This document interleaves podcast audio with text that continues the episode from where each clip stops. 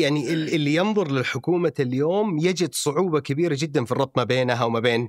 الحكومة في ذاك الوقت. صدقا حكومة مختلفة تماما. 25 إبريل 2016 اعت- اعتمد مجلس الوزراء رؤيه السعودية 2030 نزلت وثيقتها في الموقع الرسمي حوار للأمير محمد مع تركي الدخيل آه يوم للتاريخ. وصف لي شعورك في ذاك اليوم وإيش صار بعدها؟ صدقا كانت ثلاثة شهور عصيبة جدا جدا. مخاض عسير كان خروج رؤية المملكة العربية السعودية 2030 الفكرة كانت أنه إحنا أكبر مصدر نفط آه، في العالم أو أحد أكبر مصد- مصدرين نفط في العالم في ذاك الوقت. ليش ما نكون مصدرين للطاقة؟ اللي فات أنا قلت لك مناطق خاصة وليست مناطق اقتصادية خاصة.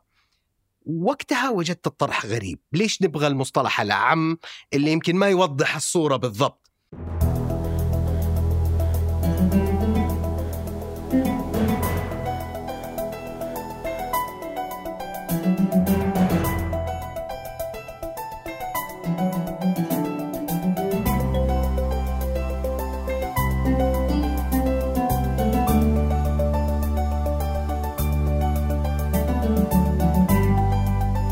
هذا سقراط من إذاعة ثمانية وأنا عمر الجريسي أستضيف قادة التحول وقادة الأعمال وقادة الرأي. على مدى أكثر من 120 حلقة حكينا حكاية الرؤية ومبادراتها ومشاريعها وأجهزتها. واليوم نحكي حكاية الرؤية نفسها.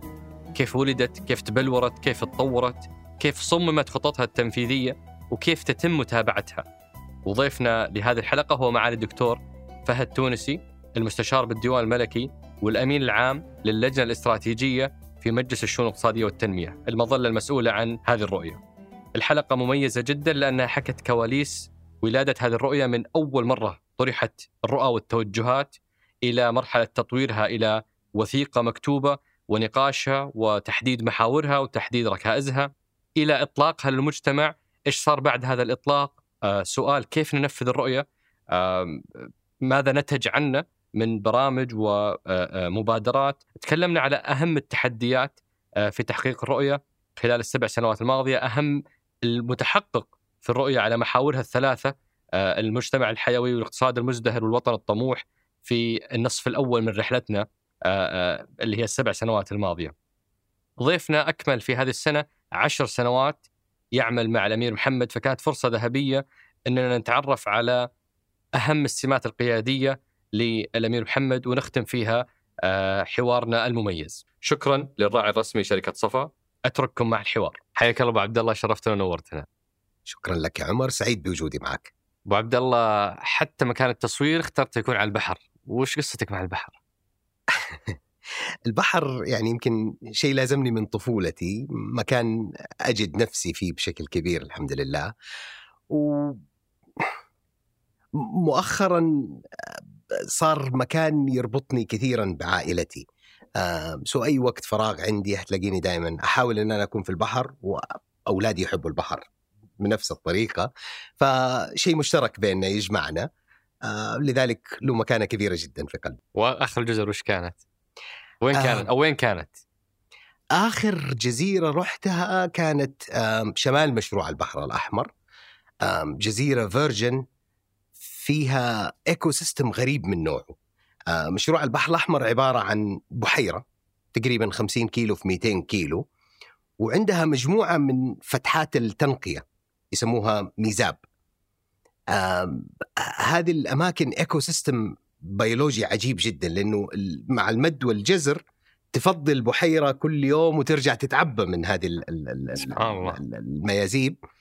و... البحيرة طبعا تقصد المنطقة ال- الواسعة اللي جزر البحر الأحمر تحيط فيها. مضبوط أي مضبوط. بحيرة طبيعية. بحيرة طبيعية هي ب coral reefs مضبوط. بينها في النص بحيرة طبيعية more or less فلما تفضي وتملي كل يوم تخرج ال nutrients وترجع.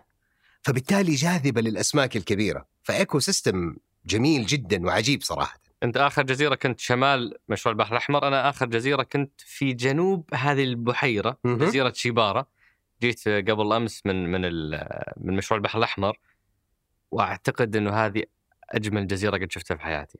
جزيرة شيبارة موضوع ال ال ال ال المانجروف وأشجار المانجروف المحيطة وتداخلها مع مع الرمال وبعدين منطقة الشعب المرجانية اللي قاعدة مسوية كذا كأنها طوق على حول الجزيرة. درجات المياه شفنا درجات مياه يعني كان معانا في الهليكوبتر بنت هي الوحيدة اللي قدرت تسمي درجات المياه لأن إحنا كأولاد قاعدين نشوف أزرق بس ما هو أزرق واحد يعني في أزرق غامق وأزرق فاتح وأزرق أفتح من الفاتح. كان منظر جبار جدا. آه أنت أبو عبد الله أمين أمين آه شر... آه مجلس إدارة شركة البحمه ولا لا؟ صحيح. آه يعني متحمسين مرة متحمسين لهذا المشروع. والله وأنا متحمس جدا جدا لهذا المشروع. أعتقد إنه حيحدث نقلة نوعية في المعروض للسياحة الداخلية. السائح السعودي آه، نشأ وكبر إنه عنده فرصة إنه يشوف أفضل أماكن في العالم وعنده الخيار. فكان التحدي الحقيقي بالنسبة لقطاع السياحة في المملكة إنه إحنا نوفر خيارات تنافس أفضل ما هو موجود في العالم، أنا أعتقد إنه مشروع البحر الأحمر في هذا الفئة من البشرية. بإذن الله، طبعا من بين عشرات القبعات اللي يعني الله يعطيك العافية قاعد تتولاها، إحنا اليوم نتكلم على قبعة آه، مميزة ومهمة وذات ارتباط وثيق ببودكاست سقراط، قبعه آه، أمين عام لجنة اللجنة الاستراتيجية في مجلس شؤون التنمية اللي هي مسؤولة عن الرؤية بشكل عام، إحنا صورنا أكثر من 120 حلقة مع قادة التحول نحكي حكاية الرؤية. اليوم حان الوقت ان نحكي حكاية الرؤية نفسها من ولادتها كفكرة إلى تطوراتها إلى وين وصلنا اليوم فيها. فمن وين تحب تبدأ؟ أم يمكن أفضل نقطة للبداية هو الاجتماع الأول لمجلس الاقتصاد والتنمية.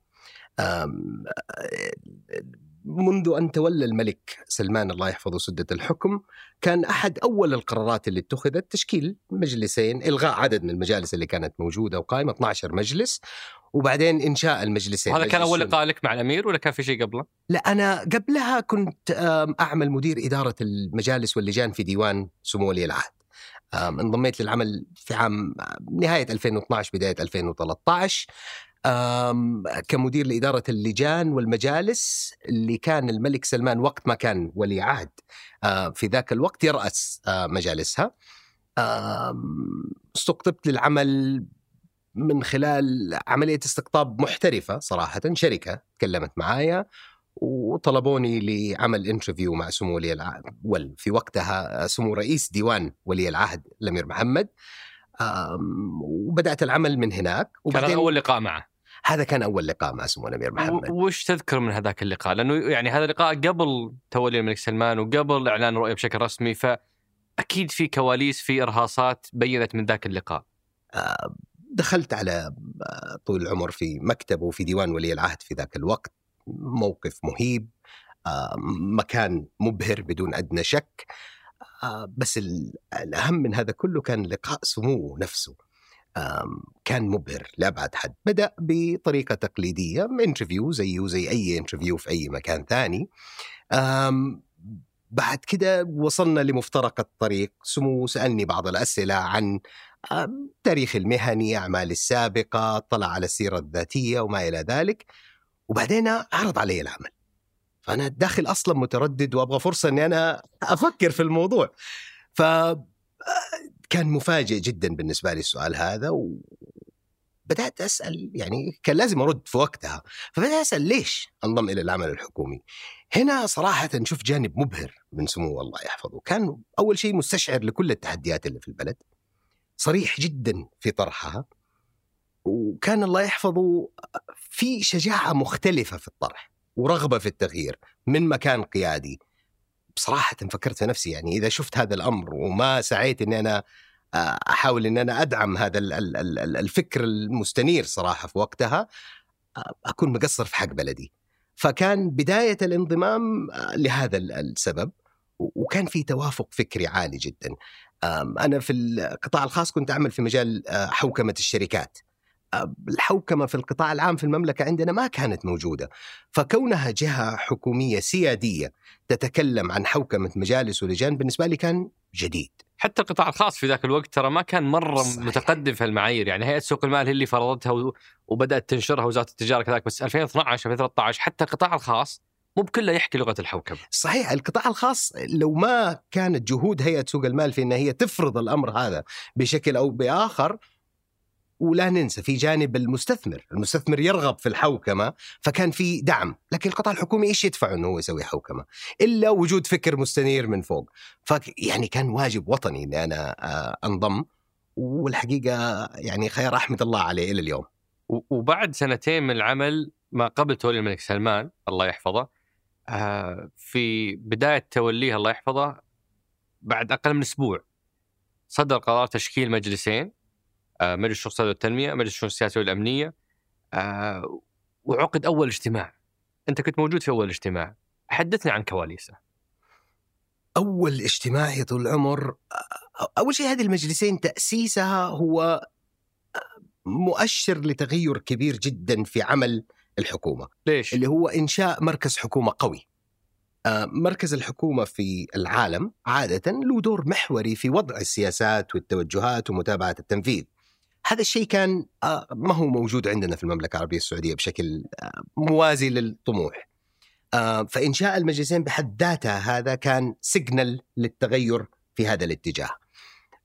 أول اجتماع لمجلس الشؤون الاقتصادية والتنمية كان اجتماع استثنائي بكل المقاييس، اجتماع أول شيء عشان بس نستشعر الموقف وزراء كثير منهم جداد يمكن غالبيتهم كانوا جداد في ذاك الوقت، بعضهم حتى ما يعرف بعض. والمجلس أول مرة ينعقد فكثير منهم غائب عنه الهدف من إنشاء هذا المجلس. جو كلهم على الاجتماع وكل الناس ما هي عارفة إيش المطلوب وليش وكيف حنشتغل وما إلى ذلك. بدأ الاجتماع برئاسة سمو الله يحفظه والحقيقة بدايته كانت بكلمه من سمو الأمير في البداية وضح فيها الهدف من إنشاء المجلس هذا وطمأن الجميع إنه هذا مكان الهدف الأساسي منه هو وضع السياسة العامة من خلال الحوار والتشاور والحوار المفتوح. يعني أتذكر إنه لما بدأ قال إحنا حطينا هذا المجلس عشان نعزز فكرة تبادل الأفكار آه، ما بين الوزراء.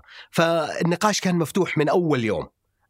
يطرح سمو رأي يطرح أحد الوزراء رأي ونسمع الرأي والرأي الآخر. آه، فكان جميل جدا. لكن هذا المجلس بالذات اللي يميزه عن غيره أو هذه الجلسة بالذات اللي يميزها عن غيرها كانت أول مرة تطرح ما سمي لاحقا بالتوجهات والرؤى اللي هي فكر وتوجهات الحكومة الجديدة في عهد الملك سلمان نحو القطاعات المختلفة.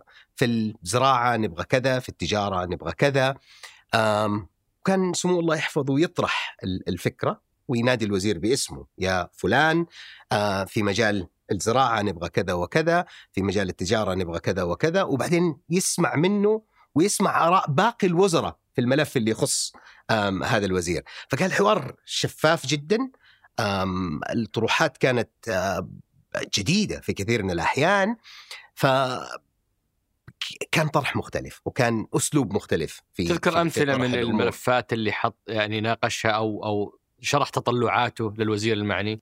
الأمثلة كثيرة الأمثلة في أكثر من مجال صراحة كان من ضمن التساؤلات مثلا إحنا صار لنا أنا أتذكر سمو الأمير الله يحفظه طار قال صار لنا خمسين سنة ننتج نفط والنفط يشكل 90% من دخلنا فمتى حننوع اقتصادنا ومتى حنبدأ نخفف من اعتمادنا الكبير على النفط لأنه سوق متقلب الأسعار وبالتالي ما تقدر تخطط على أسعار متقلبة. من ضمن الطروحات اللي كانت جديدة في ذاك الوقت بالنسبة لنا مثلا موضوع الطاقة المتجددة موضوع الطاقة المتجددة الفكرة كانت إنه إحنا أكبر مصدر نفط في العالم أو أحد أكبر مصدرين النفط في العالم في ذاك الوقت ليش ما نكون مصدرين للطاقة؟ فننظر إلى الطاقة المتجددة، ننظر إلى مش بس تصدير النفط وإنما تصدير الكهرباء وتصدير مدخلات الطاقة الجديدة زي الهيدروجين وما إلى ذلك. التفاصيل اللي صارت في الاجتماع هذاك يعني مبهرة تخليني عندي فضول أكثر أتعرف عليه لأنه كل الوزراء اللي قابلتهم وتحدثنا عن الاجتماع كانوا يتكلمون على دقة في وضوح الرؤية.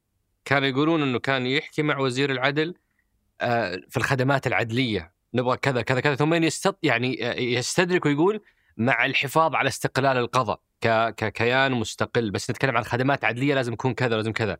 في الزراعة في المياه في التجارة في الخدمات التنمية الاجتماعية والشؤون الاجتماعيه فالسؤال اللي عندي إحنا نتكلم على فبراير 2015 يعني آه، الملك سلمان الله يحفظه ما كمل وقتها شهر متولي آه، مقاليد الحكم. فمتى امدى الامير محمد يلم بهالمعلومات يستحضرها يبني هالتطلعات متى امده؟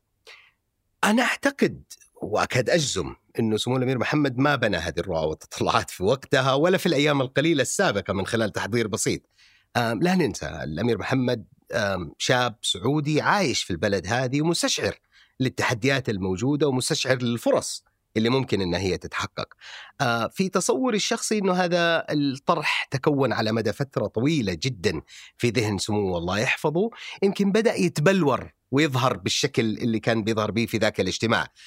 لكنه ما هو وليد اللحظة بكل تأكيد. وأظن برضو يمكن يختم موضوع سنتين في هيئة الخبراء مطبخ الأنظمة والقرارات فكل شيء قاعد يمر فيبان نقاط التعثر نقاط التأخر كذلك سنتين في إمارة الرياض مع الملك سلمان آه، وقتها أمير الرياض فكل المشاكل والقضايا حقت المواطنين حقت التجار حقت جهات حكومية قاعدة تمر أيضا على أمارة الرياض فهذه أتوقع نقطتين ممكن يكون فيها الكثير من التعرف على الواقع وملامسة نقاط الألم أو فرص التحسين اللي موجودة. أه بدون أدنى شك خبرة سمو العملية السابقة كانت أه ما هي متركزة في مجال واحد وإنما كانت في أماكن زي ما تفضلت إمارة الرياض، هيئة الخبراء، أماكن تصب فيها كثير جدا من المواضيع.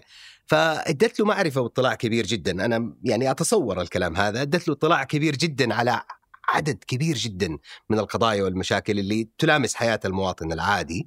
آه بالإضافة إلى ذلك يعني الملك سلمان حتى أيام ما كان أمير للرياض الله يدير الصحة والعافية رجل مطلع ورجل آه، حريص إنه أبنائه يكونوا مطلعين آه كذلك. الأمير محمد يمكن أكثر واحد شفنا هذا الموضوع معاه وانعكس بشكل واضح جدا عن الرؤى والتوجهات اللي سمعناها. تعبر عن فهم عميق لاحتياجات البلد واحتياجات المواطن مقرونة بطموحه العالي الله يحفظه. كم كانت مدة اجتماعكم الأول؟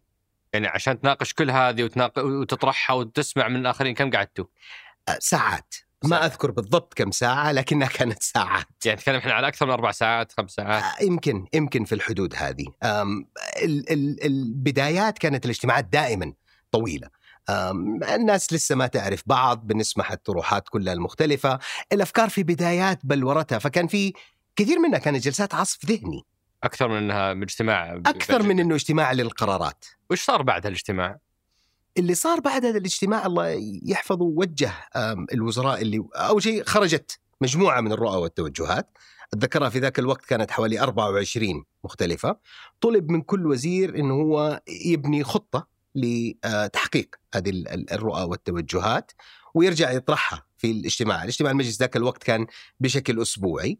آه، وبدأوا الوزراء يفكروا في الطروحات الموجودة على الطاولة وكيف ممكن تحقيقها وبدأت تنشأ بدايات لخطط تنفيذ خلينا نقول هذا كله مخاض ما هو ولاده ولادة الرؤية لكن هذا المخاض ما قبل الولادة فكل آه، فبدأ اللي... كل وزير أيوة. يحط شيء من الخطة وعرض عن آليات التنفيذ الممكنة لهذه الرؤى والتوجهات ويرجع يعرضها في المجلس وتطرح للنقاش.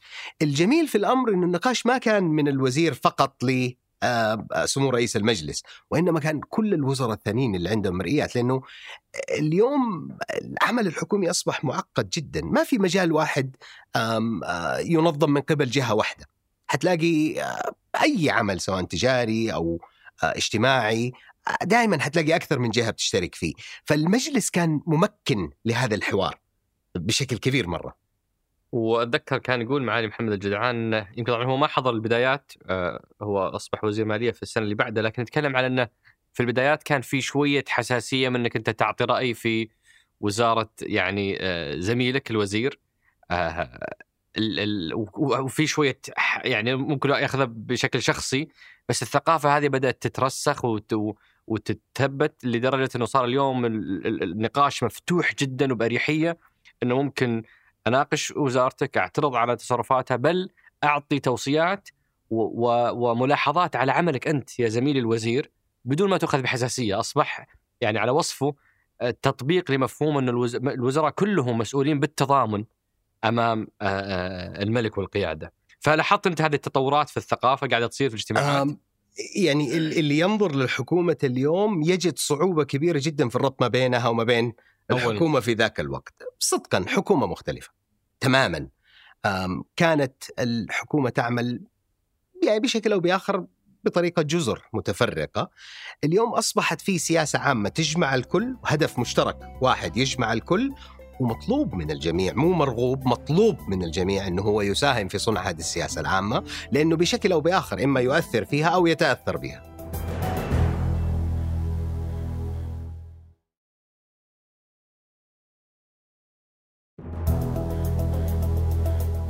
وهذه الرؤى المختلفة اللي كل وزير بدأ يشتغل على وزارته. كيف تحولت إلى الرؤية اللي نعرفها وشفناها بشكل رسمي؟ أم مرت بأكثر من مرحلة حقيقة. بدأت بالرؤى والتوجهات ثم خطط الوزراء. ثم بعد كده عمل ما يسمى ببرنامج بورش التحول الوطني. هذه ورش كانت تقودها وزارة الاقتصاد والتخطيط تجمع الجهات الحكومية المختلفة من وزارات وهيئات ومؤسسات عامة. لمساعدتهم على وضع خطة تنفيذ لهذا الأمر بشكل أو بآخر.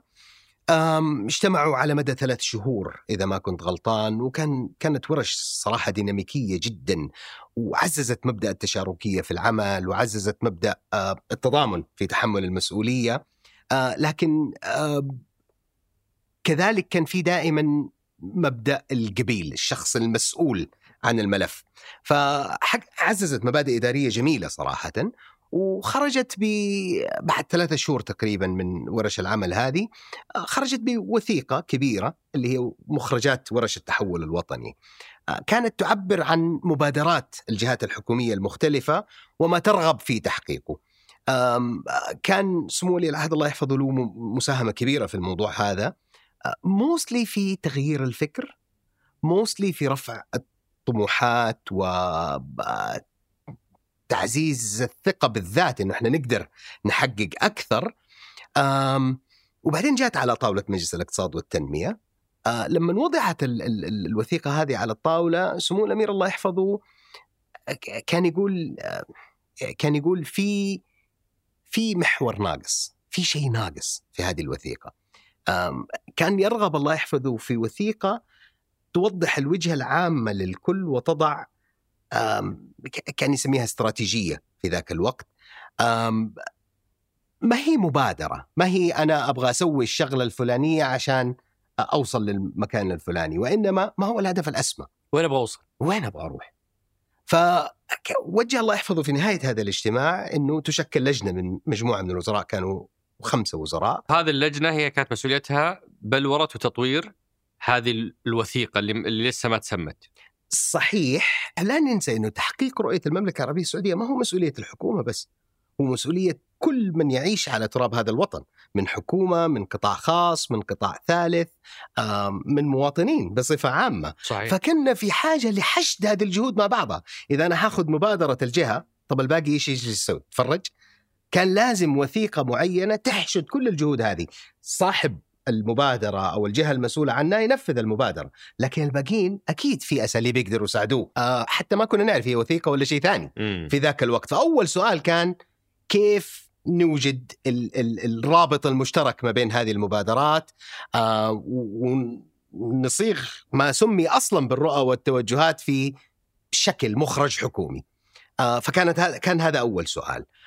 والنتيجة كانت بمنتهى الوضوح في ذاك الوقت هي وثيقة في بعض الحكومات سموها مانيفست بعض الحكومات تسميها التوجهات آه، الحكومية وقتها حتى ما كان عندنا لها اسم الاسم اتوضع بعدين فإيش اللي صار؟ آه، إيش كانوا يسووا بالضبط الخمسة أعضاء أو اللجنة هذه إيش كانت تسوي بالضبط؟ هل كان نقاش مفتوح ولا كانت مواضيع محددة كل مرة تناقشونها ولا عصف ذهني؟ وش كانت تسوي اللجنة هذه بالضبط؟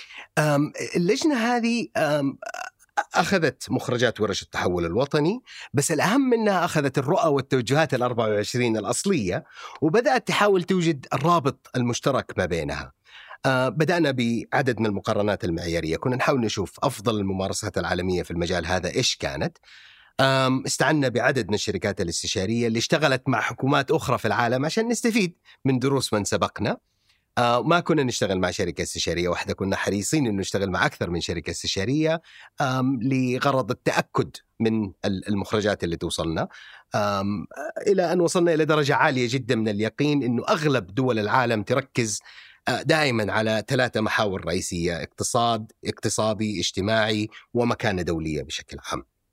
كانت اللجنة تجتمع بشكل يومي وبعدين بشكل أسبوعي يجتمع مجلس الشؤون الاقتصادية والتنمية برئاسة سمو سيدي الله يحفظه ويطرح ما توصلت إليه اللجنة هذه في على طاولة المجلس يناقش بشكل عميق جدا آه، في حوار مفتوح جميل حقيقة. يعني هذه الأيام ما أنساها لأنه كانت آه، كانت الحوارات فيها جميلة جدا في آراء آه، مبنية على خبرات عميقة لوزارات. وبعدين في آراء أحيانا في وزير ما يعرف. عن رأي الوزارة الأخرى لكنه كمواطن عنده رأي في الموضوع هذا حتى هذا كان يسمع بشكل كبير جدا. وكان سمو الله يحفظه حريص على إنه هذا النقاش آه، مستمر في المجلس. يعني أنا أذكر أحيانا بعض الوزراء ما كان يدلي بدلو في بعض الأمور لكن سمو يعرف يمكن من خلال حواراته الخاصة إنه فلان له رأي كان يسأل يا فلان إيش رأيك في الموضوع الفلاني؟ أحيانا مواضيع يكون لها جوانب متعددة آه، ما طرحت كلها.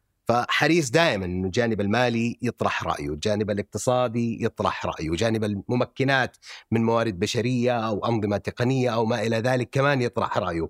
فكان حوار جميل جدا في المجلس، اجتمع اللجنة بشكل يومي، يجتمع المجلس بشكل أسبوعي، يقبل أو يرفض الطرح اللي طرحته اللجنة في ذاك الوقت، آه، وبعد كذا يعدل عليه واستمر الموضوع هذا لمدة ثلاثة أشهر. إلى أن خرج المجلس بوثيقة رؤية المملكة العربية السعودية 2030 وبناء على الممارسات العالمية أنتم توصلتوا للمحاور الثلاثه حقت الرؤية. صحيح. اللي هي مجتمع حيوي اقتصاد مزدهر وطن طموح. صحيح. طيب الركائز حقت الرؤية؟ الركائز كان سموه في بداية الطرح دائما يتكلم عن وثيقة استراتيجية. الاستراتيجيات دائما تبنى على إما نقاط ضعف حابين إنه إحنا نحسنها أو نقاط قوة حابين إن إحنا نركز عليها. آه وكان دائما يتساءل عن هذه الأمور. وترى ما هو سهل إنك أنت تفكر في نقاط ضعفك.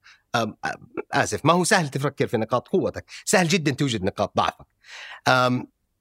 فأتذكر طرح سموه في ذاك الوقت كان يقول إحنا قلب العالم العربي والإسلامي إحنا قوة استثمارية رائدة وفي نفس الوقت موقعنا الجغرافي مكان يتوسط قارات العالم الثلاثة القديمة ف هذا الطرح اللي كان مثلا التشالنج رقم اثنين عند اللجنة هذه، هل هذه فعلا نقاط قوتنا؟ هل نقدر نلاقي نقاط قوة أقوى منها؟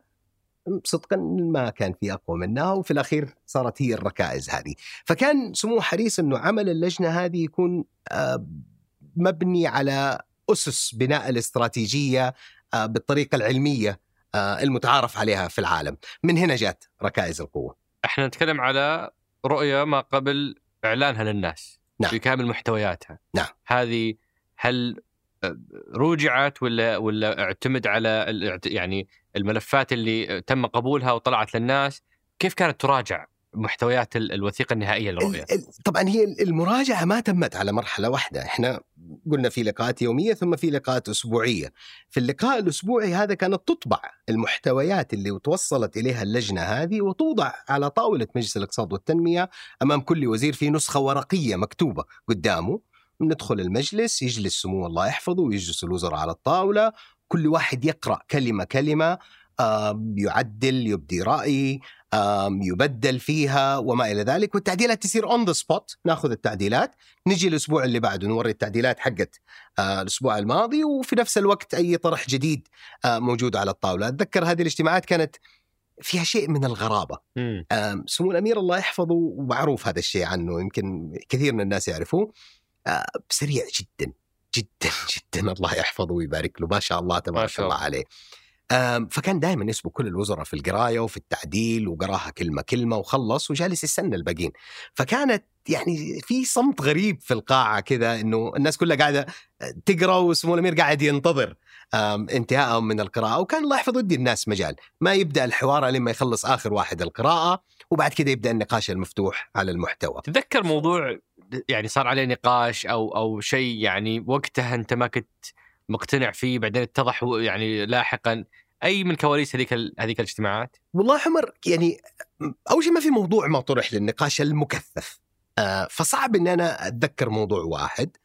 آه يمكن في نقطة واحدة أرجع لك عليها بس قبل ما أتكلم عنها آه الجديد بالنسبة للكل في هذا الحوار كان أم، ديناميكية ما بين رغبة سمو الأمير الله يحفظه في رفع الطموح في كل مجال، كان حريص إنه نوصل لأقصى حد طموح ممكن يمكن حتى نقرب شوية من حد الغير ممكن، لكن دائما يرفع مستوى الطموح لأقصى حد ممكن، ولا ننسى الطاولة الديناميكية اللي موجودة عليها، أنت عندك القائد اللي بيضع التوجه ويضع المستهدف بشكل كبير، وبعدين في الوزير المسؤول عن التنفيذ، فالحوار اللي ما بينهم واحد بيحط الطموح والثاني مسؤول عن تحقيقه كان يعني كانت ديناميكية آه، جديدة بالنسبة لنا.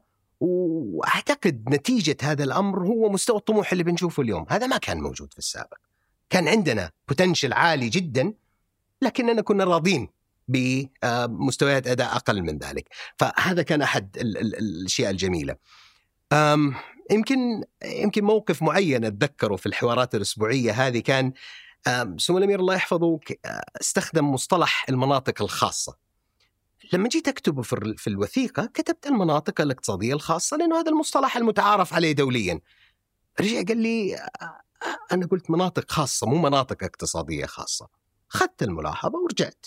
بدأت أعمل ريسيرش سألت لقيت إنه مصطلح المناطق الخاصة هذا مصطلح عام جدا وما هو متعارف عليه. ووقتها كنا إحنا بنتكلم أصلا عن مناطق اقتصادية خاصة. فرجعت الأسبوع اللي بعده كتبت مناطق اقتصادية خاصة. قال لي فهد أنا قلت لك مناطق خاصة وليست مناطق اقتصادية خاصة. وقتها وجدت الطرح غريب. ليش نبغى المصطلح الأعم اللي يمكن ما يوضح الصورة بالضبط؟ أم لكن اليوم نقدر نشوف الكلام هذا بوضوح على أرض الواقع. عندنا مناطق اقتصادية خاصة عندنا مناطق لوجستية خاصة عندنا مناطق آه، حوسبة سحابية أشكال متنوعة من المناطق الخاصة. أم، يتضح لي بكل تأكيد أن سمو الله يحفظه. في ذاك الوقت كان مستشرف هذا المستقبل وشايفه قدامه.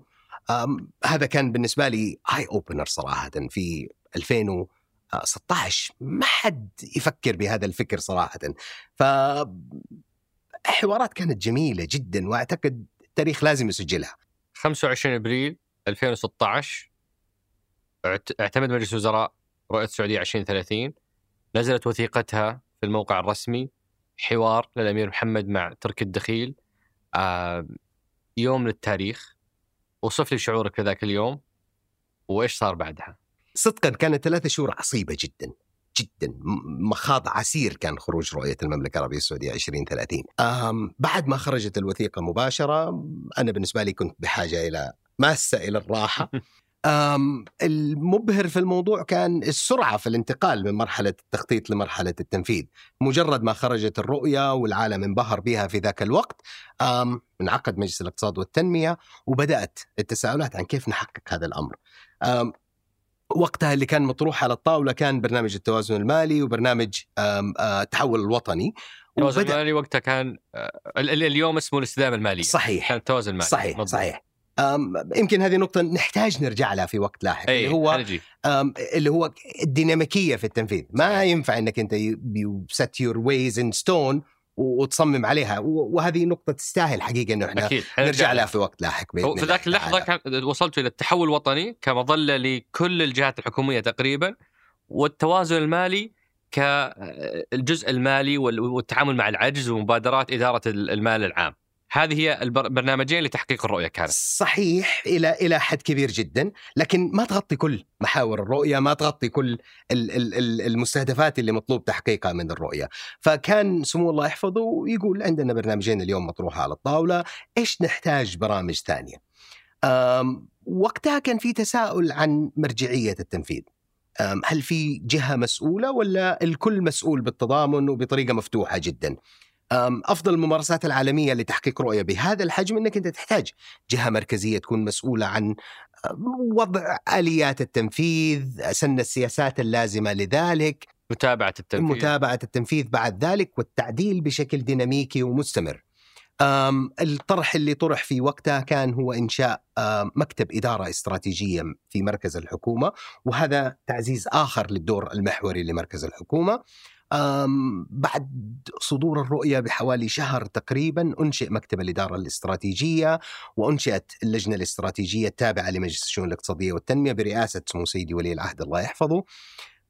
وأنت توليت أمانتها. وأنا توليت أمانة اللجنة هذه و- ورئاسة المكتب. ورئاسة المكتب في ذاك الوقت. وبدأ العمل على إيش البرامج الثانية اللي نحتاجها عشان نقدر نحقق رؤية المملكة العربية السعودية 2030 إحنا كمكتب كنا حريصين إنه إحنا نركز جهودنا قدر المستطاع. وكنا حريصين صدقا إنه ما يتجاوز عدد البرامج خمسة في ذاك الوقت. كنا نقول إنه خمسة is the magic number اللي المفروض إن إحنا نحاول نلتزم عليه because it is manageable. However حجم الطموح وحجم التحول المطلوب وتنوع المجالات لأنها بتغطي كل المجالات المهمة بالنسبة للوطن.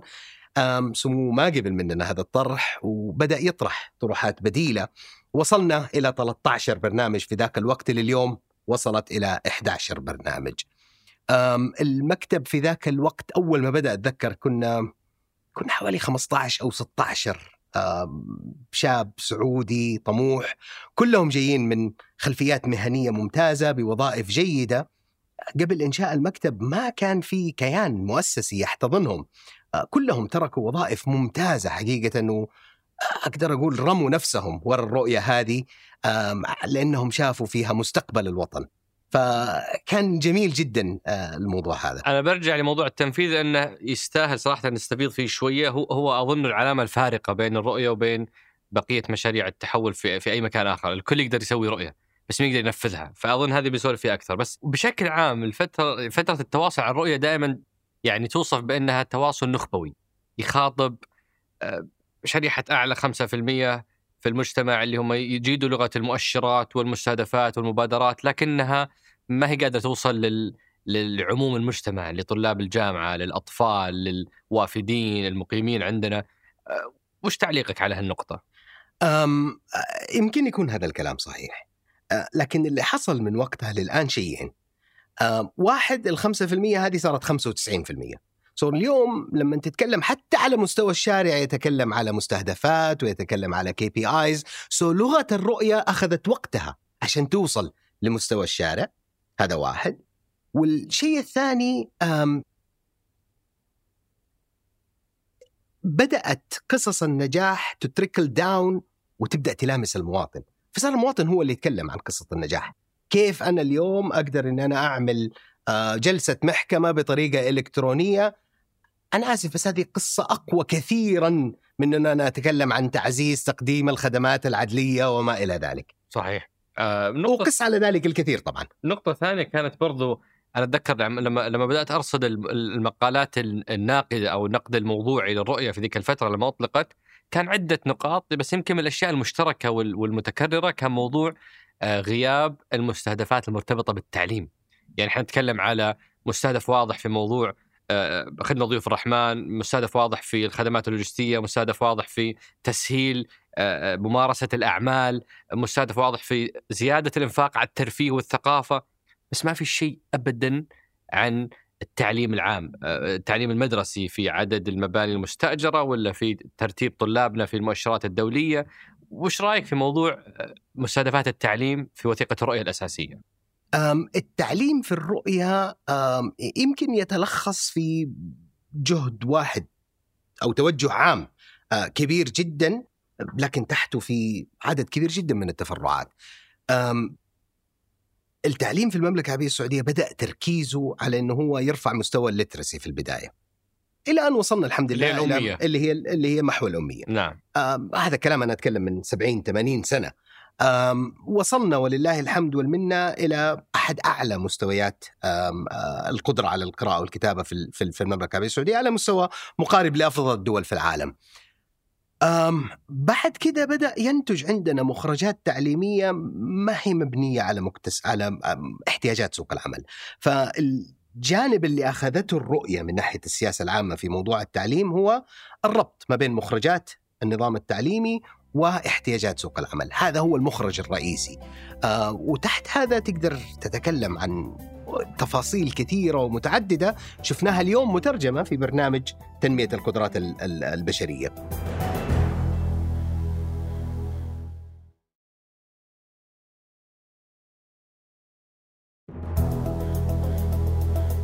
يمكن من الأشياء الملفتة في في رؤية السعوديه 2030 واللي ما لقيتها في في الرؤى الأخرى للدول المختلفة هي موضوع برامج تحقيق الرؤية. آه، إحنا عندنا برامج 11 آه، برنامج لتحقيق رؤية السعودية 2030 آه، وهذه يعني تخلينا نتساءل وش الح... كيف كيف وصلنا لهذا النموذج؟ وإيش الحاجة لوجود هذا الجسم في النص بين الجهة اللي وضعت الرؤية وبين الجهات التنفيذية اللي حتنفذ الرؤية الوزارات المختلفة؟ ليش ما خلينا المتابعة مباشرة منكم أنتم في مكتب استراتيجية للوزارات المختلفة آه، إنه كل واحدة تنفذ أهداف الرؤية. أم نشأت الحاجة هذه الحقيقة من يمكن أمرين رئيسية أم أم كانت ملاحظة في ذاك الوقت. واحد لم يكن لدى الوزارات التنفيذية المختلفة قدرات التخطيط الاستراتيجي أو قدرات التخطيط المالي. التخطيط كان يتم من خلال وزارة الاقتصاد والتخطيط في الخطط الخمسية والتخطيط المالي كان يتم من قبل وزارة المالية. عن طريق ورش عمل الميزانية اللي بتتم بشكل سنوي. فما انبنت عند الوزارات هذه القدرات. كان في حاجة لجسر أو آلية لرأب هذه الفجوة. هذا واحد. اثنين كنا بحاجة ماسة لتعزيز العمل التشاركي بين الوزارات. البرامج يرأسها آه، لجان برامج. يجلس عليها جميع الوزراء المعنيين. بتحقيق آه، أهداف أي برنامج. فحتلاقي البرامج هذه هدفها جسر ما بين مركز الحكومة بين الوزارات التنفيذية ولكن كذلك هذا الجسر يحتوي على الممكنات الرئيسية لرأب هذه الفجوة. فلو تكلمنا عن الإسكان مثلا تتكلم على في الوزارة ذاك الوقت وزارة الإسكان في وزارة البلدية كمخزن أراضي في صندوق العقاري كممول آه، في البنوك آه، كايضا آه، ممول من القطاع الخاص في المطورين كل هذول اللاعبين المختلفين أنت محتاج أحد يرتب وينسق جهودهم ويتابع عملهم. هذا كان واحد من أدوار البرامج تحقيق الرؤية. بكل تأكيد. بكل تأكيد. وقس على ذلك في كل البرامج الثانية. أي برنامج حتمسكه حتلاقي فيه آه، كل من يؤثر أو يتأثر بأعمال هذا البرنامج جالس على الطاولة ورأيه مسموع. في صياغة خطة التنفيذ ومن ثم متابعة التنفيذ. من الملفت في موضوع برامج تحقيق الرؤية أنها دائمة التغيير، يعني إحنا نتكلم على آه، موجة أولى من البرامج آه، منها اثنين أو ثلاثة اختفت. آه، برنامج تعزيز الشخصية الوطنية، برنامج ريادة الشركات المحلية آه، آه، و يعني بعدين أضيف برنامج أو برنامجين برنامج تنمية القدرات استحدث لاحقا برنامج التحول الصحي استحدث لاحقا في برامج يعني طلعت من التحول الوطني زي التحول الصحي في برامج استحدثت من من العدم زي تنمية القدرات أو شيء زي كذا فليش في تغيير مستوى؟ في طبعا برامج تغيير مسماها زي برنامج التوازن المالي صار اسمه برنامج الاستدامة المالية. ففي تغيير مستمر وفي يعني تحولات الناس شوية يمكن تقلق من هذا الشيء بأنه ما إحنا ماشيين مضبوط. أه، وش رأيك؟ أنا أعتقد إنه هذا شيء إيجابي جدا يعبر عن ديناميكية وتجاوب للمتغيرات. هذا اولا. أه، في البداية كان السؤال هل نصبر وما نطلع أي برنامج لما نجهز ب مجمل البرامج ونطلع بها مرة واحدة؟ لكن إذا شيء جاهز ليش تأخره؟ جاهز ومستعد بالعكس ينطلق واللي ما هو جاهز يكمل ويمكن يستفيد من الدروس اللي آه، يعني آه، اكتسبت من إطلاق البرنامج اللي قبله. فكان المبدأ من البداية إنه اللي جاهز يتوكل على الله وما يستنى الباقيين. هذا واحد. اثنين بعض الأمور تحتاج إلى بحوث أطول، بعض الأمور تحتاج إلى تعمق أكثر في التفاصيل، فأخذت وقتها إلى أن نشأت. الشغلة الثانية ما في برامج ألغيت ما في شيء اختفى. الحقيقة أي شيء ما تشوفه اليوم كبرنامج فهو موجود ضمن برنامج آخر. سو so, برنامج تعزيز الشخصية الوطنية اللي تكلمت عنه اليوم موجود كجزء لا يتجزأ من برنامج تنمية الموارد البشرية. تنمية القدرات آه، تنمية القدرات البشرية، ف موجود المستهدفات كلها موجود المبادرات كلها ولكن تحت إدارة مختلفة وشكل مختلف. آه هذه الديناميكية بالعكس أنا أشوفها شيء إيجابي جدا ويعبر عن آه قدرة على التجاوب مع المتغيرات آه المطروحة. في تغيرات محلية في تغيرات إقليمية في تغيرات عالمية. في ففي, ففي لجنة اليوم استراتيجية هذه اللجنة العليا اللي تتابع الرؤية بشكل عام وتتابع برامج تحقيق الرؤية، في برامج تحقيق الرؤيه تتابع مع الجهات تصمم المبادرات وتتابع تنفيذها وتدعم القصور فيها مع الوزارات. آه، فهذا اليوم هو شكلنا. السؤال هو كيف قاعدين نتابع مسيرة الرؤية؟ آه، وش طبيعة علاقتكم آه، كمكتب استراتيجية وكلجنة استراتيجية مع هذه البرامج مع الجهات المختلفة؟ اتكلمنا عن مراحل الرؤية الثلاثة، المرحلة الأولى كانت مرحلة التأسيس، وهذه مرحلة يمكن يمكن كانت أصعب مرحلة. في مرحلة التأسيس كان تركيزنا الأكبر على إيجاد آليات التنفيذ وتمكين هذه الجهات. بعد كده بدأنا التركيز على عملية متابعة الأداء، لما بدأت تنطلق البرامج تباعا بدأ التركيز على موضوع متابعة الأداء وكانت الآلية المعتمدة في وقتها تقارير ربعية تكتب من قبل مكتب الإدارة الاستراتيجية بناء على معطيات من البرامج بناء على معطيات من مركز قياس الأداء العام آه وتجمع في مكتب الإدارة الاستراتيجية يقدم تقرير ربع سنوي للجنة الاستراتيجية ثم لمجلس الاقتصاد والتنمية عن هذه الرؤية. وتلا ذلك تقرير سنوي في نهاية كل سنة يطلع تقرير برضو لمجلس الاقتصاد والتنمية. تقارير حقيقة متعمقة جدا تنظر إلى أكثر من جانب.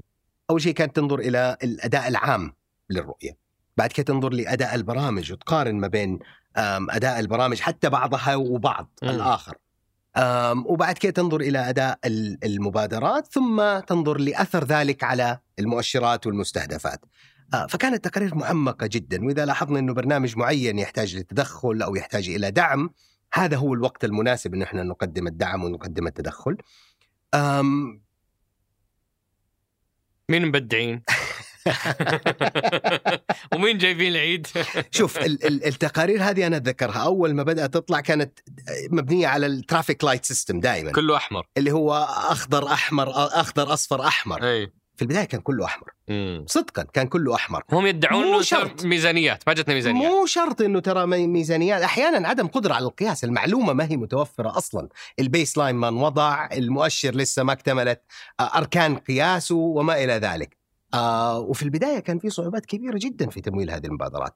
الفكر اللي مطروح في الرؤية مختلف تماما عن الفكر السابق، آليات التمويل المطروحة في ذاك الوقت لا تتواءم مع هذا الفكر فكان في حاجة لإيجاد آليات تمويل بديلة آليات تمويل الرؤية إلى اليوم مختلفة تماما عن أنظمة الحكومية المعتادة لكن الجميل بدأنا نشوف سبيل أوفر حق هذه الأمور so so, أول ما وضعت الرؤية كيف نمول؟ كيف نقدر نبدأ نطرح RFPs في ال market؟ كيف نقدر نتعامل مع vendors بطريقة مختلفة وما إلى ذلك؟ فنشأت الحاجة لإيجاد آليات تمويل الرؤية، هذا كتيب طويل جدا ومعقد يساعدنا إنه إحنا نمول البرامج هذه. بعدين نشأت الحاجة أن إحنا نعمم هذا الأمر على القطاع العام بالكامل فصار تحديث لنظام مشتريات المنافسات الحكومية. وقتها أنا أتذكر كنا يعني إحنا كمكتب إدارة استراتيجية لعبنا دور في هذا الموضوع إنه إحنا نحرص إنه أي شيء موجود في آليات تمويل الرؤية لازم ينعكس في نظام المشتريات المنافسات الحكومية بحيث إنه المستقبل ممكن ما نحتاج هذه البرامج نحتاج إنه إحنا الجهات التنفيذية نفسها آه، تتعاقد بآليات حديثة ومبتكرة تساعد على التنفيذ. وأظن هنا يبان دور مركز الحكومة في إنه يطبق أهدافه في كل السياسات. فمثلا في نظام المشتريات الحكومية صار الجديد صار في تركيز على تمكين المنشآت الصغيرة المتوسطة اللي صحيح. هي أحد الأهداف. والمنشآت الوطنية. وتركيز على المحتوى المحلي صحيح. كأولوية في المنافسة وتركيز على آليات التعاقد المختلفة. فأنا أبغى أشارك القطاع الخاص أبغى يجي آه، ينفذ بعض المشاريع ثم ينقلها إلى الحكومة اللي هو ال PPP أو ال private public private partnership هذه كلها اليوم منعكسة في نظام المشتريات لأن مركز الحكومة هو اللي قاعد يفكر ويخطط وليس جهاز واحد من ضمن الأجهزة المختلفة. فهذه تعتبر من التحولات والثمار لوجود مركز حكومة فعال وقوي. actually هذا تمثيل واقعي لسؤالك السابق عن ليش أحتاج برامج. أيه. احتاجت البرامج عشان أعمل جسر ما بين الواقع وما بين المأمول. بعد كده الجسر هذا يصير جزء من آليات العمل الطبيعية اليومية ونظام المشتريات المنافسات الحكومية. يمكن مثال جيد على هذا الأمر. آه وإحنا اليوم طبعا أبو عبد الله نتكلم على نصف الرحلة تقريبا آه سبع سنوات عدت باقي سبع سنوات. أول شيء هل هذه مايلستون تقيسون فيها أنفسكم وسواء إي أو لا وش أبرز ما تحقق في الفترة الماضية على مستوى مستهدفات الرؤية؟ طبعا منتصف الرحلة بالنسبة لنا ما هو المايلستون الحقيقي، إحنا الرؤية بالنسبة لنا ما هي مقسمة إلى نصفين وإنما إلى ثلاثة مراحل رئيسية. فإحنا الآن نعتبر في منتصف المرحلة الثانية بشكل أو بآخر. المكتسبات اللي تحققت كثيرة جدا ويمكن صعب ان أنا أتكلم عنها يمكن الناس سقراط تحسها. كله يتكلم عن عن يعني كل واحدة منها بشكل مختلف بس كنا نسمع منك بصورة شاملة أو عامة. صدقا يا عمر يسعدني أقول لك إنه العالم كله يتحدث عنها وليس سقراط بس اللي يتكلم عنها. أقصد كل حلقة قاعد تغطي شيء ولكن العالم صحيح. بالتأكيد صحيح. يغطيها. الجميل حتى الناريتيف العالمي في الموضوع هذا يعني أتغير بشكل كبير جدا وأصبح في كثير من الإيجابية. أصبحت كثير من الدول تستقي الدروس من السعودية. إحنا كنا في البداية نروح نشوف أفضل الممارسات. اليوم لو تشوف الدول الأخرى إيش بتسوي كثير منهم يقولوا إيش السعودية بتسوي. وهذا مفخرة. بدون أدنى شك. لكن خليني أمر كذا بشكل سريع جدا على آم، الإنجازات اللي صارت في السنوات الماضية والمكتسبات. آم، نمسكها يمكن على مستوى المجتمع ال- ال- الحيوي. هنا نتكلم عن ال- الخدمات الأساسية الصحة التعليم.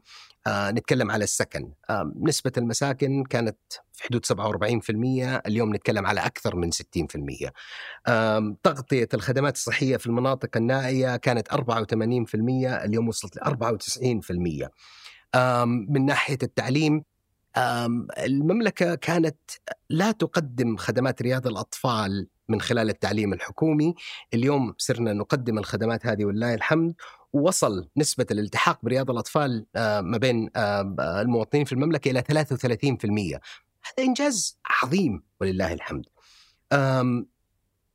لما نجي نتكلم على الفرص اللي موجودة في البلد سواء على مستوى الفرص الاقتصادية والتجارية أو حتى على مستوى فرص التطوع. الناس تبغى تساعد وتبغى إن هي آه، تدعم هذه الرؤية. اليوم آه، بدأنا في آه، عام 2016 ب 23 ألف متطوع. اليوم نتكلم على 658 ألف متطوع. 2200 2770% ارتفاع في نسبة التطوع. فالواضح بالنسبة لنا إنه الناس كانت بس محتاجة أحد يحدد لها الوجهة ويمكنها من التوجه في في في هذا الطريق. نتكلم على أشياء زي مثلا قطاع الترفيه والرياضة والسياحة. نسبة السعوديين الممارسين للرياضة كانت 13% اليوم نتكلم على 32%. فمستهدفات كلها الحمد لله بتتحقق وكثير منها بنتجاوز المطلوب فيها. لو ننتقل على مستوى الاقتصاد المزدهر طبعا آه، في بداية الرؤية كانت أهم مستهدف للرؤية يمكن هو تنويع الاقتصاد السعودي ووصولنا ل آه، آه، أن نكون ضمن أكبر 15 اقتصاد في العالم. العام الماضي ولله الحمد والمنة الاقتصاد السعودي كان أسرع الاقتصادات نموا على مستوى مجموعة العشرين. بدأت إصلاحات هيكلية كثيرة ومتعددة لفتح قطاعات اقتصادية جديدة ما كانت موجودة في البلد. نتكلم عن سياحة ما كان لها وجود في البلد. نتكلم عن ترفيه ما كان له وجود في البلد. نتكلم عن تعدين ما كان له وجود في البلد. وقس على ذلك. طبعا القطاعات الاقتصادية هذه سرعتها في البدء مختلفة من واحد لآخر. السياحة كانت بسيطة جدا. أفتح التأشيرة وأبدأ أجهز البنية التحتية الناس حتبدأ تجي. آه، فكان سهل وسريع إنه إحنا نشوف التحول. الترفيه المواطن موجود وراغب في الترفيه فكان سهل إنه إحنا نوفره ونشوفه بشكل سريع جدا. في قطاعات أبطأ قليلا بطبيعتها. مثلا خلينا نتكلم عن التعدين. آخر survey صار على ال- ال- البلد وال- وال- والمكامن المعادن فيها أعتقد كان في الخمسينات إذا ما كنت اللي هو غلطان. المسح الجيولوجي أو المسح الجيولوجي هذا ياخذ سبعة سنوات عشان يكتمل بحد ذاته. فإحنا إذا بدأنا في 2016 أخذنا بعض الوقت للتجهيز وما إلى ذلك واليوم إحنا بنتكلم في مراحل أخيرة إن شاء الله لاكتمال هذا المسح. آه وبعد كده تبدأ. فعلا. وشاهدنا في نفس الوقت هذا إعداد نظام التعدين آه تجهيز البنية التحتية لاستقطاب الشركات آه التعدين وخلق ال- ال- الشركات الوطنية الكبيرة في المجال هذا. لما نتكلم على ناتج محلي إجمالي للمملكة ارتفع من 654 مليار دولار إلى أكثر من تريليون دولار اليوم. هذا يعني بحد ذاته إنجاز وإن شاء الله تعالى في طريقنا أنه نكون من أكبر 15 اقتصاد في العالم إيراداتنا الغير نفطية نتكلم عن تضاعف آه، متكرر للموضوع هذا من حوالي 160 مليار لأكثر من 400 مليار آم، بالنسبة لصادراتنا الغير نفطية ارتفعنا من حوالي 18 19% إلى 25% كنسبة من الصادرات. وصول صندوق الاستثمارات العامة من 600 ل 600 مليار إلى 2.6 تريليون ريال. طبعا مشاركة المرأة في سوق العمل هذا أحد منجزات الكبيرة للرؤية صراحة اللي ارتفعت من 23% إلى اليوم وصلت 35% عدت مستهدف 2030 والآن محتارين إيش المستهدف الجديد اللي المفروض يكون موجود على الطاولة. نسبة البطالة أحد أهم المؤشرات الاقتصادية في أي اقتصاد. إحنا الحمد لله ارتفعنا من نسبة بطالة 12% إلى 8% آه، قريب جدا من الحد ل- لنسب التوظيف في أي بلد في العالم. وقريب من هدف 2030 اللي هو 7% قريبة جدا من هدف 2030 وإن شاء الله يعني أنا أتوقع إنه في المجال هذا كمان حنحتاج نرفع المستهدف بعض الشيء. بإذن الله. وقبل ما تروح أنت لوطن طموح آه، أنا أبغى أعلق على موضوع رياض الأطفال. أنا كنت مستثمر في قطاع التعليم 10 سنوات من 2008 ل 2017 فجزء من البحث اللي سويناه قبل ما ندخل في الاستثمار هو ال ال آه، يعني اطلاع على الخطة الخمسية التاسعة للسعودية اللي كانت من 2010 إلى 2014 هذا كلام لا أنقله عن أحد أنا اللي قريتها بنفسي. كان مستهدف زيادة نسبة التحاق السعوديين في رياض الأطفال أحد مستهدفات الخطة الخمسية ال- ال- التاسعة آه، وكذلك الثامنة. آه، والحقيقة إنه ما تغير هذا الرقم ابدا. يمكن عمر هذا مثال حي لمدى فاعلية البرامج في تحقيق المستهدفات. الهدف زي ما تفضلت ما هو هدف جديد، هدف موجود من يمكن من 15 سنة قبل بدء الرؤية. لكن اللي صار لما وضعت البرامج وفتح المجال للعمل التشاركي والعصف الذهني ومحاولات إيجاد أفضل الطرق لتحقيق ذلك، أنا أذكر وزارة التعليم جات بفكرة مبتكرة جدا ل بدأ هذا العمل بشكل أسرع من غيره وهو من خلال الاستفادة من المنشآت التعليمية القائمة. بدل ما أصبر ثلاثة أربعة خمسة يمكن عشرة سنوات عشان أنشئ بنية تحتية جديدة عندي بنية تحتية في بعض الأحيان غير مستغلة. استغلوا الموضوع هذا في البداية وهذا كان آه، شرارة ممتازة لبدء التغير في في في هذا الموضوع. آه، بالإضافة إلى ذلك عندنا قدرات بشرية ممتازة في وزارة التعليم ولله الحمد والمنة بدأنا نستفيد منهم ونوسع النطاق. سو ما بنينا شيء جديد وإنما عظمنا الاستفادة من الموجود وشفنا النتيجة بشكل سريع جدا. وإن شاء الله القادم بإذن الله أفضل في هذا المجال. بإذن الله. هل تحب تقول شيء في في في محور وطن طموح أو ننتقل للي بعدها؟ أنا أعتقد يعني المحور هذا يمكن من الصعب أنا أتكلم عنه العالم كله يتحدث عنه. اليوم المملكة حضورها العالمي في صناعة السياسات اللي تؤثر على البشرية واضح وجلي للكل. قدنا قمة 20 في وقت عصيب على العالم والحمد لله وضعنا بصمتنا على ال- الأجندة العالمية في المجال هذا. دورنا المحوري في استقرار أسواق الطاقة قائم ومستمر وتعاظم ولله الحمد والمنة آه، في الفترة الماضية. أم، بالنسبة لقيادة العالم العربي والإسلامي كان لنا دور محوري في محاربة التطرف والإرهاب. إثراء الفكر الاجتماعي والثقافة الإسلامية. اليوم الزوار للمعتمرين آه، في المملكة. الحمد لله بنحقق أرقام قياسية سنة عن سنة. هذا واحد من المستهدفات كمان اللي أتوقع أنه إحنا حنتجاوزه قريب جدا إن شاء الله.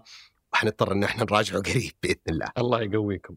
أنا يمكن آه، أبو عبد الله أنتقل لمحور مرة مهم آه، متعلق بتحديات تنفيذ الرؤية. آه، من الأشياء اللي أنا قاعد أكتشفها مؤخرا وانبهر فيها هي موضوع الوصول اللي قاعدين نحققه في سقراط مع مع الجمهور الخليجي. بس بس في الأسبوعين الماضية قابلت أصدقاء أو تواصلت مع أصدقاء من قطر الإمارات الكويت عمان. يتكلمون عن متابعة حلقات سقراط و ال- ال- ال- الانبهار بقصة ال- المسؤول الفلاني، الملف الفلاني، آه، ال- القضية الفلانية، ففي متابعة لقصة التحول السعودية على مستوى خليجي عربي وأوسع من ذلك. فأزعم إنه جزء من هؤلاء يهمهم معرفة التحديات، آه، كيف تعاملنا معها، قد يكون هناك دروس مستفادة نقدر نهديها لكل المتابعين لقصة التحول السعودية، فوش ممكن نحكي عن أبرز التحديات؟ الدروس اللي إحنا استفدناها لما جينا آه، نبدأ رحلة التحول هذه من الدول الأخرى، اليوم المملكة صارت يمكن مدرس لتجارب التحول الأخرى. التحديات كثيرة، تحديات كثيرة جدا ومتعددة. كان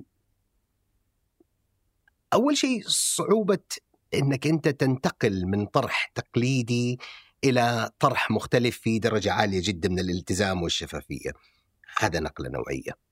آه، يمكن التحدي الثاني كان تعزيز ثقافة العمل التشاركي الناس بطبيعتها protective of their mandates ويحاولوا دائما إنهم يحققوا النجاح لوحدهم، الرؤية فرضت العمل التشاركي على الكل وأسلوب سمو الأمير الله يحفظه فرض هذا الأمر على الجميع. كان في تحديات في الموارد البشرية كبيرة جدا، القطاع الحكومي كان في شيء من الترهل وعدم القدرة على استقطاب الكفاءات، يمكن لما بدأنا الحوار كنت أقول لك أنا لما جيت أشتغل في الحكومة كنت متردد جدا، اليوم الشاب يتخرج من الجامعة خياره الأول إنه يروح يشتغل في الحكومة، القطاع الخاص بيعاني صعوبات في آه، منافسة القطاع الحكومي على استقطاب القدرات. فكان في تحدي كبير جدا في إيجاد الكفاءات والقدرات وتغيير الفكر وتقبل إنه يكون في تنوع كبير جدا في طبيعة القطاع العام. الجميل إنه التحدي لما ينظر اليه كفرصه ويبدأ يعمم النجاح تصير هذه نقطة قوة. بدل ما كانت نقطة ضعف تتحول إلى نقطة قوة عندك. إذا كنا نتكلم على تحدي في استقطاب للحكومة في ذاك الوقت اليوم أنا أزعم إنه القطاع الخاص هو اللي عنده تحدي في الاستقطاب بدل الحكومة. تضحك عمر. يعني تمثل القطاع الخاص؟ يعني يعاني منكم كثيرا كثيرا. نحتاج نحقق. ما واللي بنحققه ما بنحققه لنا بنحققه للبلد. القطاع الخاص ما عنده ال deep pocket أو الأموال الهائلة اللي عندكم. فهل آه. المنافسه عادلة على المواهب؟ يعني على هالمثال هذا؟ بالعكس إذا إذا إذا كبر الاقتصاد الكل يكسب. القطاع الخاص يكبر وال pockets gets deeper deeper إن شاء الله. وهي ربما تكون هجرة مؤقتة يعني أقصد في نهاية المطاف أنت حتبدأ المواهب تتوزع بشكل آه، سلس. فأزعم إنه آه، إنه في كذا نمط عملي براغماتي شديد جدا في تنفيذ الرؤية اللي هو ما في حل مثالي. آه، في حل له أعراض جانبية له تكلفة معينة لكنه حل مطلوب. ننفذه نتعامل مع الظواهر أو الأعراض الجانبية ونحاول نعالجها. فيمكن هذه هي اللي اليوم آه، نقدر نستشفها إنه في في كثير من الحلول ليست مثالية. ولو بستنى حل مثالي ما سويت ابدا آه، الإجراء هذا. ففي ثمن لانتقال هالمواهب للقطاع الحكومي بس أظن في ثمن أكبر لو القطاع الحكومي حاول ينفذ الرؤية هذه بدون هذه المواهب. آه، بدون أدنى شك. ولا ننسى سوق العمل زيه زي أي سوق آخر مبني على العرض والطلب. لما جاء القطاع الحكومي وصار عنده طلب كبير بدأ إنه هو ياخذ شيء من الكفاءات من القطاع الخاص لكن اليوم بسبب وجود الطلب هذا العرض صار أكبر فصارت الجامعات تركز أكثر إنها هي تخرج ناس متوافقين مع متطلبات الطلب سواء كان من قطاع خاص أو من قطاع عام.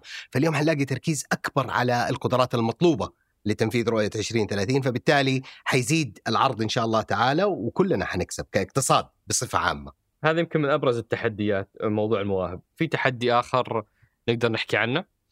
أم والله عمر التحديات كثيرة. مرة صعب ان أنا أحصرها. بس الجميل في الموضوع إنه إحنا دائما ننظر للتحدي نواجهه بشكل مباشر ونتحرك للي بعده. ننتقل إلى اللي بعده. فما ودي أركز كثير على التحديات. أنا أعتقد إن التركيز على التحديات مثبط بعض الشيء. أنا أعتقد إنه التركيز على الإنجازات هو الأجمل وإيش أهم الدروس اللي خرجنا بها بعد هذه السبع سنوات اللي تلخص حكاية التحول السعودية أول شيء في يعني في فكرة علمنا هي سمو الامير الله يحفظه إنه أنت ما حتقدر تعرف حجم إمكانياتك لما تجرب. فبدأنا إنه إحنا نضع طموحات عالية جدا وفي البداية تبان مستحيلة لكن مع الوقت يبان إنها هي قابلة للتحقيق. فهذا كان درس عظيم.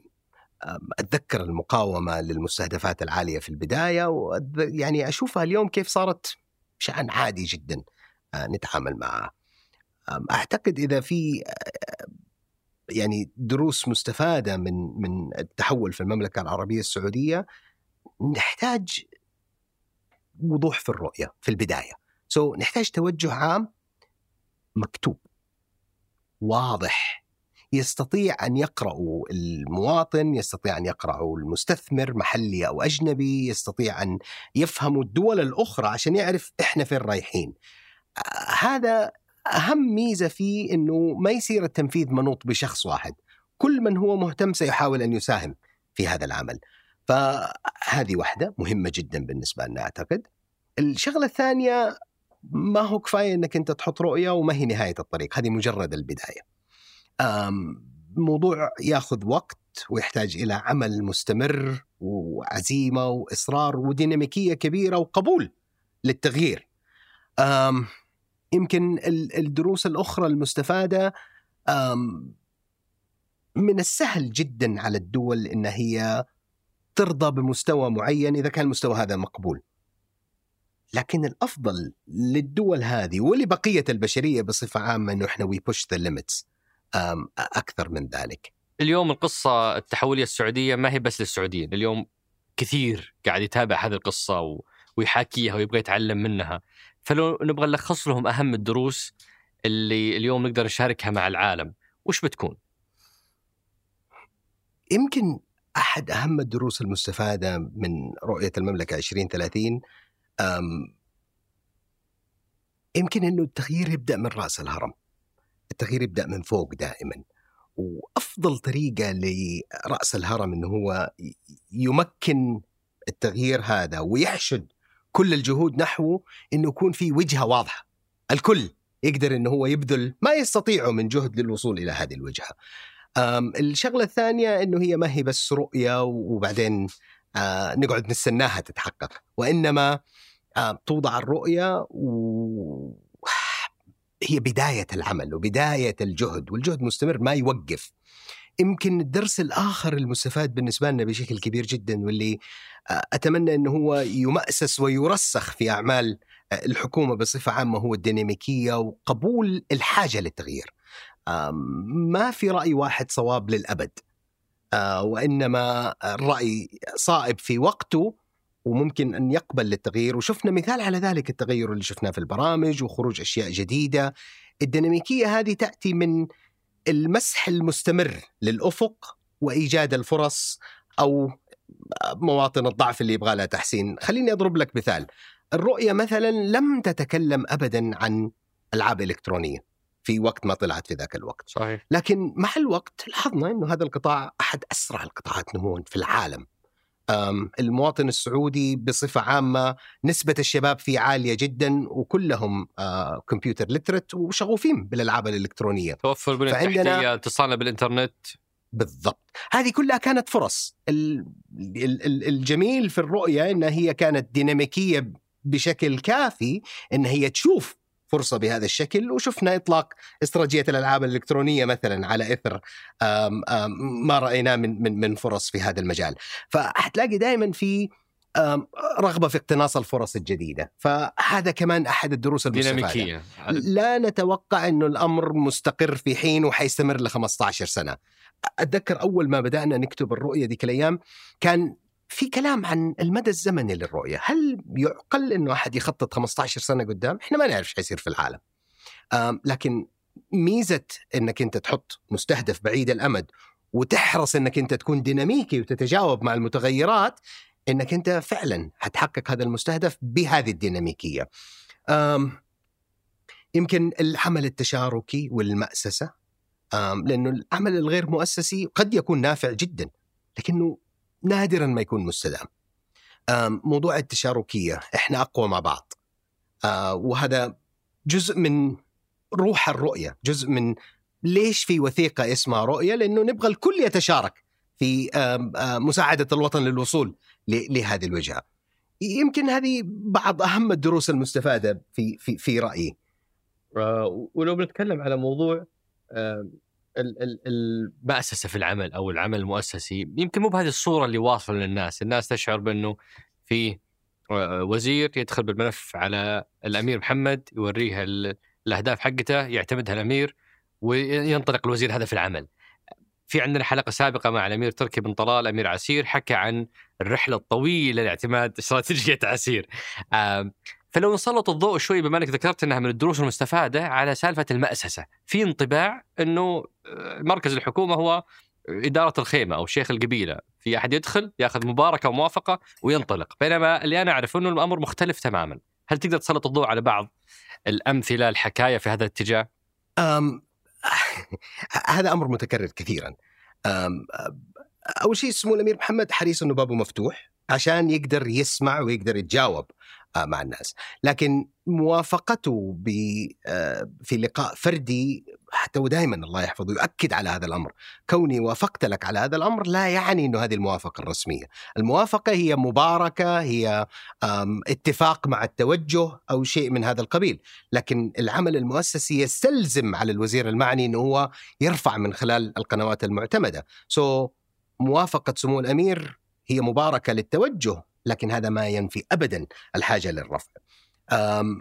هذا من ناحية، من ناحية ثانية يعني تشوفها في في في كل الأمور اللي بتحاول الحكومة إن هي تحققها من خلال رؤية المملكة العربية السعودية 2030 دائما نحرص على أن نبني جهة مرجعية نمكن الجهة المرجعية نحرص أن الجهة المرجعية هذه تعمل بطريقة مؤسسية. أول شيء متوافقة مع التوجه العام. اثنين مبني على استراتيجية تفصيلية وفيها خارطة طريق وفيها آليات للوصول للمستهدفات ومراجعة مستمرة لهذه الأمور دائما. ف نسمع الكلام هذا لكن أنا أقدر اكد لك من الداخل إنه هو ما هو صحيح. ولو أخذنا مثال لواحدة من الاستراتيجيات حتى بغيت تسميها أو ما بغيت تسميها لدورة حياتها داخل مركز الحكومة. عشان نقدر نفهم شلون تمر هذه الاستراتيجيات وعلاقتها بالرؤية لأنه الاستراتيجيات هي الشيء اللي الآن بدينا نشوفه بكثرة استراتيجيات مناطقية واستراتيجيات قطاعية. ممكن تعطيني مثال أو أو دورة حياة؟ آه ممكن جدا. طبعا الرؤية لما وضعت زي ما قلت لك وضعت الرؤية ثم وجدت البرامج اللي غطت الأهداف الاستراتيجية. بعدين من خلال المراجعات المستمرة لقينا فجوات. في أشياء ما غطتها البرامج. أو ما غطتها بشكل كافي البرامج ما حتوصلنا للمستهدف المأمول. بدأنا نجمع هذه الأشياء كلها ونشوف إيش الاستراتيجيات القطاعية لأنه الاستراتيجيات القطاعية ترى هو أسلوب التخطيط المؤسسي المتعارف عليه. أنت كنت تتكلم عن البرامج قبل آه، شوية وانها هي جسم دخيل هي فعلا كان جسم دخيل كنا نحتاجه في 2016 اليوم نمت القدرة آه، على الإنجاز لدى الجهات التنفيذية والوزارات في البلد بشكل آه، كبير جدا فصار في حاجة لوجود استراتيجيات قطاعية تقودها الجهة القائدة. آه لما نجي على استراتيجية الاستثمار حتلاقي تقودها وزارة الاستثمار لكن يتشارك في تنفيذها جميع آه الوزراء المعنيين. نتكلم على استراتيجية الرياضة استراتيجية المناطق منطقة عسير أو المناطق الأخرى في المملكة بنفس الآلية تقريبا. دورة حياتها تقريبا هي نفس دورة حياة البرامج هو نفس العمل المؤسسي ولكن بشكل آخر. آه فأنا أزعم إنه هذا حيكون أسلوب التخطيط في المملكة العربية السعودية للمستقبل بإذن الله فهي تبدأ من نفس الجهة القائدة وبعدين آآ آآ لا. آه من وين تبدأ؟ لا. تبدأ من مركز الحكومة. أوكي. مركز الحكومة يحط التوجه ويعمل مع الجهة القائدة على الاتفاق على المستهدفات. بعدين الجهة القائدة تجمع الجهات اللي تحتاج إن هي تجمعها وتشتغل معاها تضع خطة لتحقيق هذه المستهدفات وبعدين ترفع لمركز الحكومة للمراجعة والموافقة. في مركز الحكومة تمر بعدد من دورات المراجعة سواء من قدرتها على تحقيق المستهدفات أم أم التوافق مع باقي البرامج والاستراتيجيات اللي موجودة. وبعدين في أشياء ما حتتحقق من مبادرة واحدة أو مستهدف واحد أو برنامج أو حتى من استراتيجية قطاعية وإنما جميعهم مشتركون، خلينا نتكلم عن الناتج المحلي الإجمالي مثلا. كل مبادرة من مبادرات البرامج أو الاستراتيجيات القطاعية أو الاستراتيجيات المناطقية بتصب في الجي دي بي هذا. فعشان أقدر إن أنا أسير اقتصاد رقم 15 أنا أحتاج كل هذه الجهود مجتمعة.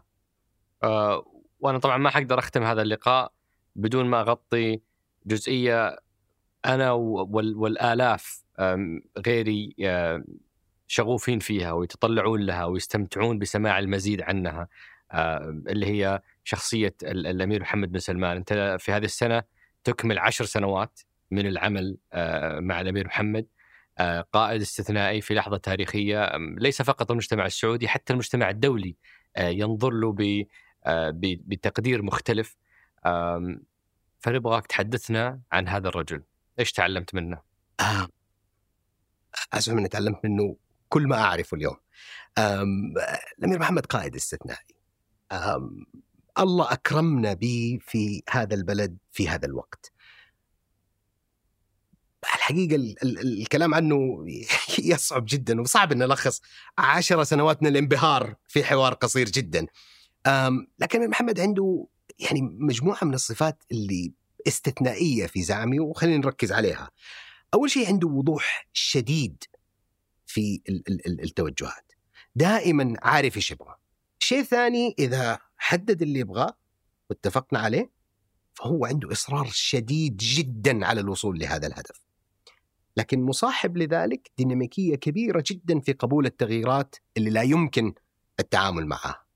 فهذه الثلاثة مع بعض في زعمي يمكن إن شاء الله تعالى هي اللي حتوصلنا لتحقيق رؤية 2030 بس إضافة إلى ذلك سمو الله يحفظه عنده قدرة جميلة جدا على النظر في الصورة الكبرى ومن ثم الدخول في التفاصيل ومن ثم الرجوع للصورة الكبرى ومن ثم الرجوع في التفاصيل. so وقت ما نحتاج الصورة الكبيرة حتلاقيه مركز على الصورة الكبيرة ويتجنب التفاصيل. والعكس بالعكس. آه هذا شيء مبهر. حتى لما تشوفه in action كل الناس اللي يشوفوه in action ينبهروا به دائما. آم عنده قدرة عجيبة الله يحفظه ورعاه على الفصل ما بين المواضيع. يعني آه، من الصعب جدا إنك أنت تدخل في اجتماع يتكلم عن آه، أمور أمنية وعسكرية، بعدين ترجع تخرج تدخل في اجتماع يتكلم عن أمور صحية أو اجتماعية، ترجع تدخل تتكلم في سياسة دولية أو مشاركات عالمية، بعدين ترجع تدخل في أمور اقتصادية آه، وبدون ما يؤثر أحدها على الآخر. هذه الحقيقة من الأشياء الجميلة جدا اللي أتمنى أكون اتعلمتها من سمو من الصعب إن أنا أسويها على نفس المستوى لكني دائما منبهر بها ولا أزال أنبهر بها اليوم حتى بعد آه، السنوات هذه كلها. أنا لما أرجع ورا السبعينات وأفهم إيش صار ما ألقى آه، جواب واضح. إحنا فجأة كنا في بيوت طين أو والدي يحكي لي إنه كان في بيت طين بعدين صار في بيت مسلح كان آه، يتنقل بالساعات من مدينة لمدينة بعدين صار فجأة يتنقل بالطيارة في قصة تحولية صارت بالسبعينات بس ما نعرف كيف صارت. ولما اسال أبوي كيف صارت ما عنده جواب. لو سألك عبد الله في 2030 كيف سوينا اللي سويناه؟ ستعزو ذلك لإيش؟ إيش بيكون جوابك لسر أو أو سبب قدرتنا على تحقيق الرؤية؟ أجن أعتقد هو محمد بن سلمان. لولا هذا الرجل الاستثنائي ما أعتقد أصلا كان ممكن نفكر. في الأشياء اللي بنفكر فيها اليوم. الرجل هذا كان عنده وضوح في التوجه، كان عنده عمق في الفكر وإصرار على التنفيذ، تمكين كبير جدا مع الاحتفاظ بحقه للمساءلة. أعتقد هو الرجل اللي صنع الفرق بكل صدق وأمانة. أنا شاكر ومقدر لك أبو عبد الله إتاحة الفرصة لي إني أوثق هذه الرحلة التاريخية لهذا الجيل والأجيال القادمة عبر هذا الحوار فشكرا لك على قبول الدعوة. أشكرك عمر وجهدك حقيقة آه، مساعد كبير جدا للرؤية وإحنا حريصين إن شاء الله إنه هو يستمر وإن شاء الله تعالى نشوفه محفز للجميع إنه هو يحرص على الاهتمام بالرؤية وتنفيذها آه، في المستقبل القريب. بإذن الله تعالى، شكرا لك أبو عبد الله. شكرا عمر. أنت لك. شكرا لكم. وشكرا لفهد القصير في إعداد وإنتاج هالحلقة. وفي التحرير أنس الخليل ياسر ألغانم في إدارة التصوير مسؤول إضاءة سالم بافقاس وعمر عبد المجيد مساعد في الإنتاج وفي تصوير الكواليس عبد الرحمن عبود وفي تسجيل الصوت يوسف إبراهيم وفي الهندسة الصوتية محمد الحسن وفي الإشراف على الإنتاج غيداء التميمي وأيمن خالد واصيل بافرط. هذا بودكاست سقراط أحد منتجات شركة ثمانية للنشر والتوزيع.